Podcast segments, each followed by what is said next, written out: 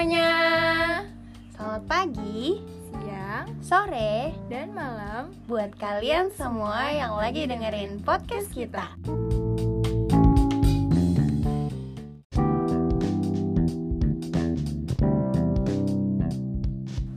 Nah, balik lagi nih sama kita berdua, gue Fafa. Gue Ais Kita berdua bakalan ngomongin lebih lanjut tentang pedoman gizi seimbang dan obesitas pada remaja. Hmm. Sebelum kita masuk nih lebih dalam, kemarin di episode 1 ya Is kita udah ngobrolin tentang eh, Apa pedom itu? ya pedoman apa gizi? itu pedoman gizi seimbang.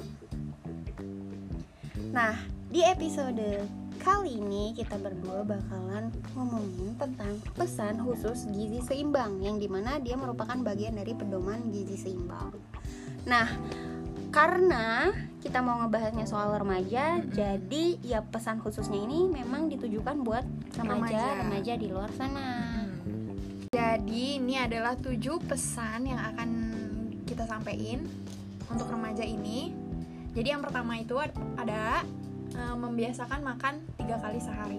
Makan pagi, makan Mhm. siang, dan makan malam bersama keluarga. itu di garis bawahi guys bersama keluarganya di garis bawahi kenapa harus sama keluarga Ya, karena eh, untuk menghindari atau mengurangi ini sih konsumsi makanan yang gak sehat dan gak bergizi gitu. Maksudnya kalau kita makan di luar kan kita nggak tahu ya dia mengolahnya kayak gimana, bersih atau enggak gitu loh. iya betul banget nah sebenarnya dalam sistem pencernaan tubuh nih makanan yang kita kita butuhin nih mau orang dewasa ataupun remaja itu nggak bisa sekaligus disediain atau ada dalam satu kali makan gitu misalnya sarapan doang misalnya Hmm. eh, makan siang doang atau makan malam doang. Tapi kenapa ada yang namanya makan pagi, siang, sore, pagi, siang dan malam? Karena dibagi tiga tahap.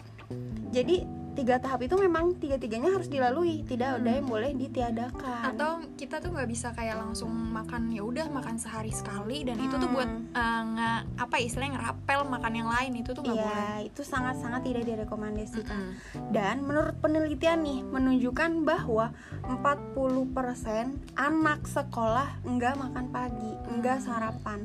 Ya, termasuk gue kali ya, gue salah satu anak sekolahan yang dulu mager banget makan pagi padahal udah dikejar-kejar sama orang tua buat sarapan deh, sarapan. Padahal sarapan tuh penting banget loh. Nah, betul banget. Apa sih yang membuat sarapan itu sangat-sangat penting? Karena gini kan, kalau misalnya eh, kita tuh mau belajar, belajar itu kan mikir ya. Hmm? Nah, jumlah energi yang diperluin buat belajar itu eh, akan berkurang dan nanti hasil belajarnya kurang maksimal kalau kurang maksimal, sorry, kalau misalnya kita nggak sarapan. Betul banget. Nah, pokoknya jadi kalau misalnya di kadar di karbohidrat itu kan, Hmm. dia ada kadar gula darah kan. Nah, si kadar gula darahnya ini kalau misalnya kita nggak sarapan, ya otomatis kita kan pagi-pagi nggak makan apa-apa nih. Ya udah kita jadinya kadar gula darahnya rendah dong. Sedangkan si gula itu istilahnya sama tubuh tuh dipakai itu. Hmm. Gitu loh. dipakai sebagai sumber energi Nah, guys. Nah makanya penting banget yang namanya makan pagi begitu. Jadi- Dan Ya gimana? baiknya nih ya iya gak sih baiknya kita tuh makan baiknya kita makan atau sarapan pagi tuh 1 sampai 2 jam sebelum pelajaran dimulai. Mungkin emang kalau yang masuk pagi terlalu pagi sih ya, tapi Hmm. ya kalau emang nggak biasa langsung makan nasi kita bisa lah ya makan roti dulu Hmm, gitu. atau diganti buah atau susu dengan sereal ya Hmm, nggak sih? hmm, hmm. Kenapa akhirnya si sarapan ini penting ya karena salah satu mak apa gunanya sarapan kan supaya ngasih asupan nih termasuk asupan ke otak kita. Nah kalau otak gak dapet energi terutama dari glukosa makanya nanti ke depannya gitu loh jadi saat proses belajar otak jadi nggak berfungsi secara man- min- apa maksimal. Hmm, hmm.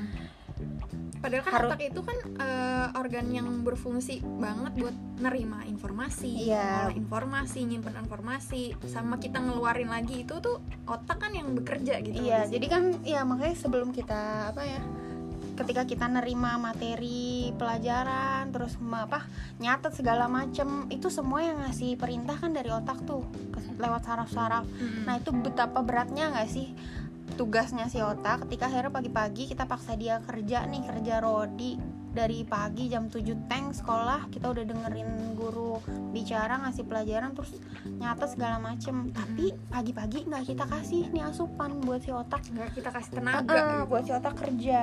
Nah nyata kalau dirunut emang si si yang namanya sarapan ini sangat-sangat penting banget ya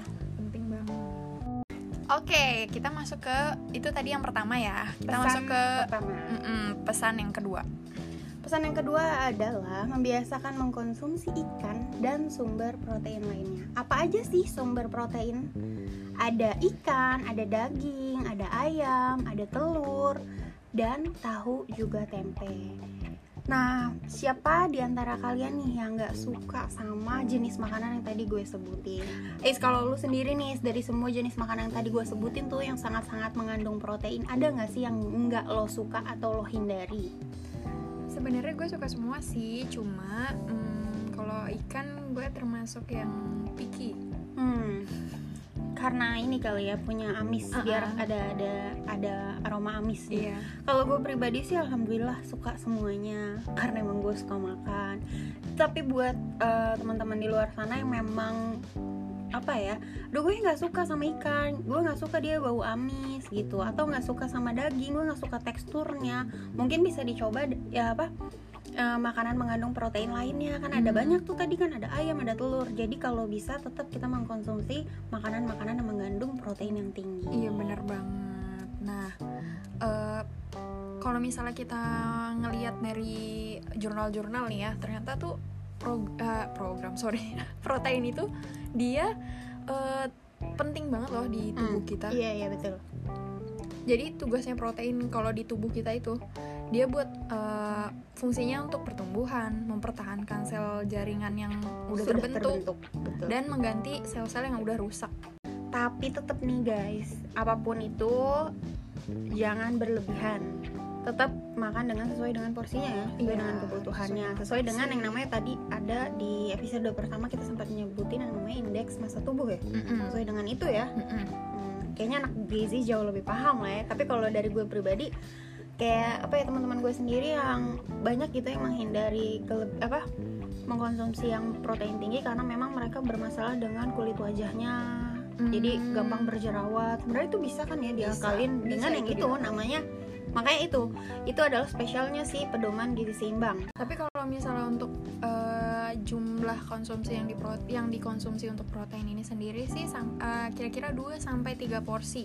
Jadi maksudnya tuh satu porsinya tuh sekitar 40 gram. Itu dalam sehari ya. Sehari tuh 2 2 sampai 3 porsi yang dianjurin. di 2 sampai 3 porsi Ah, ah. itu totalnya tetap 40 gram no, selama maksudnya sehari satu porsinya tuh 40 gram. oh gitu jadi Hmm. 2 sampai 3 porsi ya tadi ya Mm-mm. 2 sampai 3 porsi dengan satu porsinya 40 gram protein. Yes. Nah, pesan khusus gizi seimbang untuk remaja yang ketiga adalah Memperbanyak konsumsi sayuran dan cukup buah-buahan. right, seperti yang kita udah sempat singgung nih di awal. Sebelumnya ya. Hmm. Nah, kalau kita makan nih ada lauknya, sayuran tuh bener-bener nggak bisa dijadiin opsi. Eh, apa ada atau enggak. Tapi memang dia harus ada gitu loh bukan opsi. Benar-benar. nggak mau pakai sayur ah kan bisa diganti buah. No nggak bisa kayak gitu. Ternyata ya ternyata. Karena gue pribadi juga baru tahu dan baru mulai mencoba mengaplikasikan itu ke diri gue Jadi kalau sayur sama buah ini dia Hmm. berkolaborasi gitu ya, itu kan makin bagus ya. betul Karena eh, mereka ini nih punya vitamin, terus buat serat juga biar kita apa, sorry BAB-nya lancar, betul berhubungan dengan pencernaan ya Mm, pencernaan. Dan eh, dia juga ada senyawa bioaktifnya yang bagus buat antioksidan, yang mencegah kanker, apalagi eh, apa polusi-polusi itu kan termasuk kan ya. iya mana sekarang Jakarta parah ya kons- Hmm. apa polusi udaranya lagi luar biasa Mm-mm. Nah guys jangan lupa banyak-banyak makan sayur dan makan buah yang cukup. Kenapa makan buah yang cukup? Karena buah itu mengandung gula. Di dalam gula tuh ada yang namanya fruktosa dan glukosa yang tinggi dan itu bisa apa ya meningkatkan resiko Kadar eh, gula darahnya. kadar gula darah meningkat. Mm-mm. Nah gitu. Jadi itulah kenapa sangat-sangat ditekankan bahwa perbanyak makan sayur cukup makan buah. Right. Oke, next pesan yang keempat adalah membiasakan membawa bekal makanan dan air putih dari rumah. Hmm. Ini nggak cuma buat anak sekolah doang loh ya. Betul. maksudnya Ke orang-orang yang kantoran juga dianjurinnya ya tetap bawa bekal. iya iya Sebagai lo dulu, dulu waktu ngantor kan Hmm. juga bawa bekal kan? Gue sempat nah, iya betul. Gue sih waktu itu mikirnya selain karena hemat gue bosen gitu sama Mm-mm. makanan yang ada di sekitaran kantor dan ya lo semua tau lah ya kalau di kantor tuh nggak jauh-jauh dari menu ayam penyet terus nasi padang ya itu minyaknya nggak karu-karuan sih. Ya makanya itu kita apa ya ya itu harus lebih memperhatikan itu. Lagian juga nggak ada salahnya kita bawa bekal sama sekali nggak bisa dibilang kalau kita bawa bekal tuh apa ya kelihatan kayak Cupu, cupu. no. nerd atau apa pun itulah. Ya nggak gitu gitu lah. Apalagi kita bisa sambil mendukung yang namanya gerakan-gerakan tumbler tuh. Kita bawa minuman tempat minuman Mm-mm. sendiri. Jadi beli es teh manis misalnya gulanya sedikit aja terus pakai apa namanya atau bi- bisa bikin sendiri gitu kan di kantor karena udah ada si tumbler kita yang kita bawa sendiri Mm-mm. Terus kalau misalnya kita bawa bekal, kita bawa yang namanya Tupperware. Oke, itu sebut merek, tapi memang ya tempat makan sendiri. Jadi nggak perlu lagi nih kita bawa ya. Ya, seenggaknya kita sudah mengurangi sedikit lah, sedikit dari penggunaan sampah plastik khususnya ya. ya atau sampah styrofoam dan lain-lain yang memang mereka itu nggak sehat buat kemasan Mm-mm. makanan dari Tapi kalau di sekolah adik gue sendiri ya, Hmm. dari sekolahnya tuh udah bagus banget gitu loh kayak Iya, iya. eh, nyaranin buat siswanya tuh bener-bener dia nggak boleh ngambil minum gitu ya kalau Hmm. misalnya nggak dari tumbler dia sendiri gitu. Wow, Jadi tuh emang sih. dia harus bawa tempat minum sendiri dan tempat makan sendiri gitu loh. Jadi ya bener-bener mereka zero plastik mungkin ya. Mhm. Mau ya nggak tahu sih Karena zero banget hmm. atau enggak, cuma setidaknya itu kan mengurangi banget Iya ya. betul. Nggak ada yang namanya usaha yang has- apa tidak menghasilkan. Nah, kalau untuk selanjutnya adalah pesan yang kelima adalah membatasi yang namanya konsumsi makanan cepat saji, jajanan, dan cemilan yang manis, asin ataupun berlemak.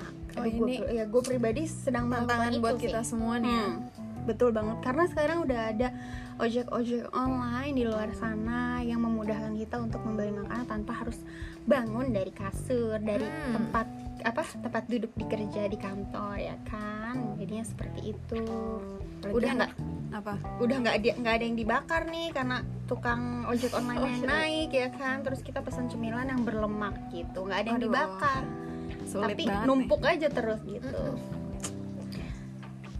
dan emang dampaknya bahaya banget ya ke depannya jadi Bahaya lebih banget. ke dampak jangka panjang Jangka jadi panjang. ya kurangin lah yang namanya micin ya kan nih. Hmm. Micin micin Dan kita harus mulai aware sih ya kalau misalnya soal makanan, apalagi Cepat makanan saji. cepat saji Hmm. gitu yang fast food mengandung tinggi gula juga, Iya, betul, garam betul. yang tadi ya lemak itu karena ya tadi yang lo sebutin bisa eh, dampaknya ke dampak jangka, jangka panjang.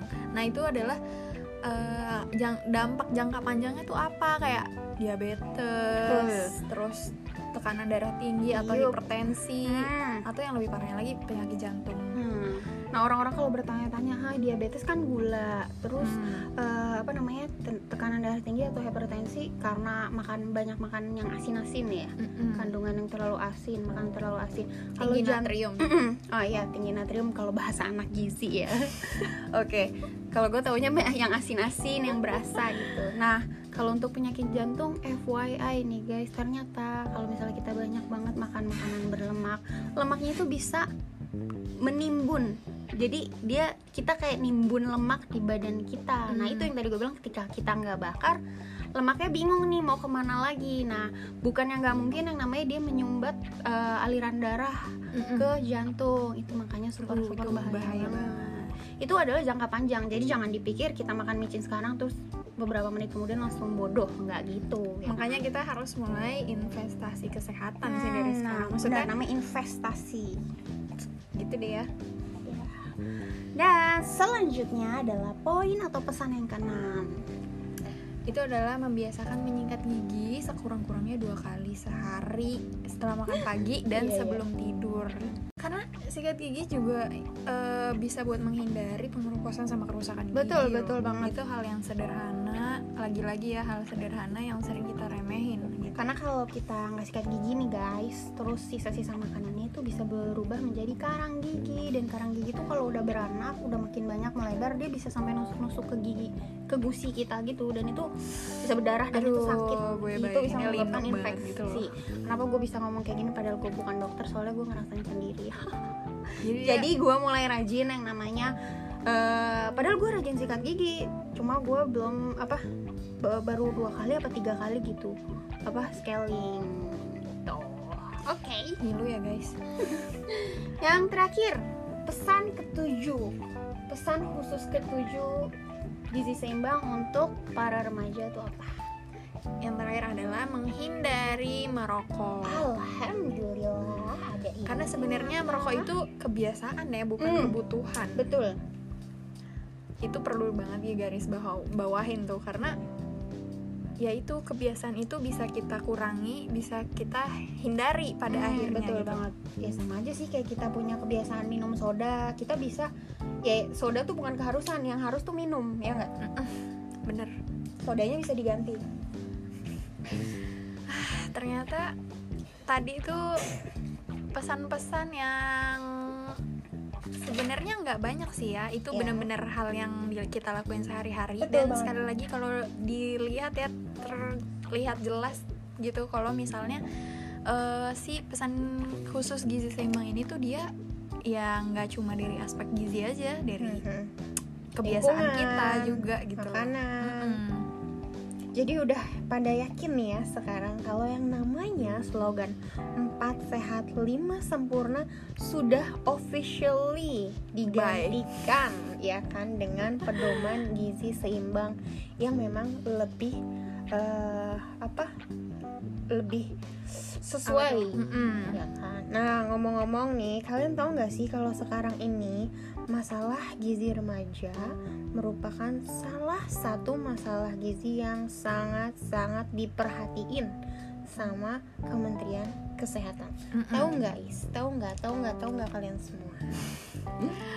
Ternyata ya kalau misalnya kita lihat nih salah satu pemicu masalah gizinya ini nih hmm? Jadi kemarin sebelumnya tuh gue sempat baca gitu kan wah ternyata masalah gizi itu lagi diperhatiin banget nih sama pemerintah. Terus ternyata kalau misalnya diperhatiin lagi ternyata masalah gizinya ini pemicunya itu adalah karena ya tadi kita tidak mengikuti si pesan khusus gizi seimbangnya ini apalagi khusus remajanya ini Iyalah orang gue aja baru tahu ternyata udah digantiin ternyata ada yang namanya pedoman gizi seimbang apa gue aja yang kurang baca kali ya semoga di luar sana tetap ada yang lebih tahu lah dari gue Mm-mm. selain anak gizi tentunya Iya. I hope so. Karena jarang banget yang gue temuin mereka udah tahu gizi seimbang tuh. lo ngerasain sendiri ya waktu Banget. turun ke lapangan nih ngurusin skripsi Iya, bahkan Meneliti segala ke macam. sekolah pun hmm? nggak semuanya tahu gitu. oh ya salah satu sekolah yang lo jadiin target ini ya Mm-mm. target penelitian ya begitulah kira-kira masalah gizi remaja saat ini nah dalam seminar kesehatan dan gizi remaja waktu tahun 2018 ya Hmm, itu bulan yang Mei gue tadi bilang itu Mm-mm, yang gue baca. Oh yang tadi itu Mm-mm. Menteri Kesehatan mengungkapkan beberapa masalah nih. Mereka nginfoin ke kita kita nih, salah satunya ke AIS yang mengikuti seminarnya itu bahwa ada beberapa ancaman masa depan bagi remaja Indonesia. Hmm. Ancaman itu perlu digarisbawahi ya, karena berarti hmm, cukup apa ya krusial dan hangat apa sangat perlu perhatian khusus. Apa aja itu ancamannya? Yang pertama adalah Penyakit. remaja-remaja yang masalah kesehatan yang pertama Hmm. adalah remaja kes- remaja yang kurang zat, Zat besi, besi atau atau- anemia. Oh iya betul Kayak kurang darah gitu ya nggak sih kurang darah. Gue salah satunya sih Walaupun gue bukan remaja Tapi gue punya anemia gitu Nah ini nih apalagi eh, untuk perempuan ya perempuan tuh kita kan nanti akan jadi calon ibu yang akan melahirkan. Nah itu tuh penting banget. Nah, kalau setahu gue sih ada beberapa sekolah yang mulai dikasih kayak tablet FE gitu loh buat anak-anak remaja. Tablet zat besi. hmm? Jadi nggak udah tadinya kan tablet zat besi itu cuma buat ibu hamil doang. Hmm? Nah tapi setahu gue sih sekarang tuh udah mulai banyak gitu anak-anak sekolah yang dikasih tablet zat besi sama biasanya sih sama puskesmas mungkin ya. Hmm, hmm. nah yang kedua masalah remaja kesehatan yang kedua adalah? Harus sadar akan tinggi badan. Nah lo tahu stunting nggak? Enggak apaan tuh? Jadi stunting tuh pendek. Pendek orang yang pendek gitu loh. Hmm. yang dia tuh eh, tinggi badannya tidak sesuai dengan usianya. Bukannya kalau tinggi badan tuh s- atau porsi eh apa?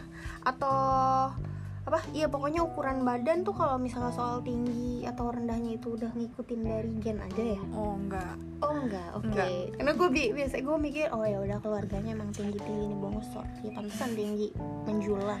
Ya mungkin bisa gitu juga Tapi salah satu pengaruhnya adalah Karena bisa jadi waktu hamil ibunya kurang makan yang bergizi.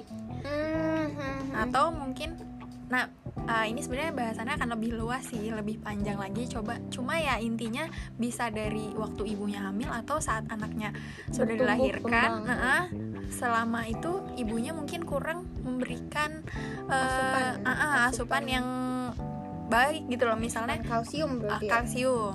Hmm, asupan kalsium. Jadi bukan cuma soal itu ya, bukan cuma soal tinggi badan, tapi juga lebih ke tulang secara menyeluruh gitu ya. Karena sebenarnya kalau kita ngelihat tinggi badan berat badan tuh ada pengukurannya menurut umur Hmm, hmm, gitu. Tapi kalau misalnya itu ada batasnya nggak sih? Ada. Maksudnya ada batas. Udah umur sekian udah nggak bisa tunggu lagi, nggak bisa Oh. diapa-apain. Ya ada. Hmm. Berarti gue udah nggak bisa. Nah sebelum sebelum ketemu masa itulah kita Ah. nih dari dari bayi sih ya harusnya Ah. mulai ada di stimulasi Hmm. biar tinggi badannya sesuai gitu. Oke, Masalah, yang ketiga adalah remaja kurus atau kekurangan energi kronis yang disingkat KEK. Nah, ini dia lebih besarnya ke perempuan nih. Lagi-lagi Hmm. perempuan karena biasanya kalau kek ini masalahnya ke ibu hamil sih. Cuma kalau dari remaja tuh ya itu lagi mulai diperhatikan remaja-remaja perempuan khususnya kan karena Hmm. ya calon ibu itu segala macam. Kurang energi kronis tuh gimana maksudnya? Kurus. Super kurus gitu ya. Mm-mm, kurus banget. Jadi Jadi kan ini bilangnya remaja kurus. remaja kurus atau Oh, kurang energi kronis. Berarti remaja kurus sama si kek ini, keknya ini punya inian sendiri. Si kek adalah si ibu hamil tadi, gitu. Sama aja sih sebenarnya. Oh sama aja. Jadi kek tuh Cuma biasanya masalah yang kek ini lebih ke bu ibu hamil gitu orang-orang tuh Oh. taunya oh ibu hamil yang kek gitu. aja. Oh ya, istilah yang biasanya digunakan Ke sama ibu ibu, hamil, hamil yang ya. kekurusan gitu ya. Hmm. Kalau remaja kurus mah cuma bilang aja "Ih, dia kurus banget. Ya Hmm. sih? Oke. Yang Nah, terakhir, terakhir nih, adalah ini nih yang menjadi topik kita banget nih. betul sekali untuk beberapa adalah- episode kita. Itu Yaitu adalah adalah kegemukan atau obesitas. obesitas. Hmm. Aduh, luar biasa ya kalau Jadi ada ada masalah obesitas. kurus, ada masalah gendut, gemuk. Iya betul. Jadi memang sebenarnya segala sesuatu yang kelebihan dan kekurangan tuh nggak pernah baik guys. Jadi ya kalau nggak bisa ideal, seenggaknya mendekati aja. Dekati. Mendekati. Nah, masalah-masalah tadi tuh empat tadi tuh itu tuh nggak bisa yang namanya kita sepelein. Kita cuek-cuek aja tuh. Kita nggak mau tahu tuh eh, ya udahlah yang namanya anemia gitu doang gitu Hmm. atau enggak ya udahlah emang gue apa cuma bisa tingginya segini ya udahlah ya gitu. Atau Hmm. atau ya udah emang kurus ya emang gua mau ku- emang gua kurus mau diapain ya emang gua udah gemuk gua mau diapain? Emang gampang apa ngurusin apa nih? No ya seenggaknya kita harus sadar dulu kalau memang kita kelebihan dan kekurangan.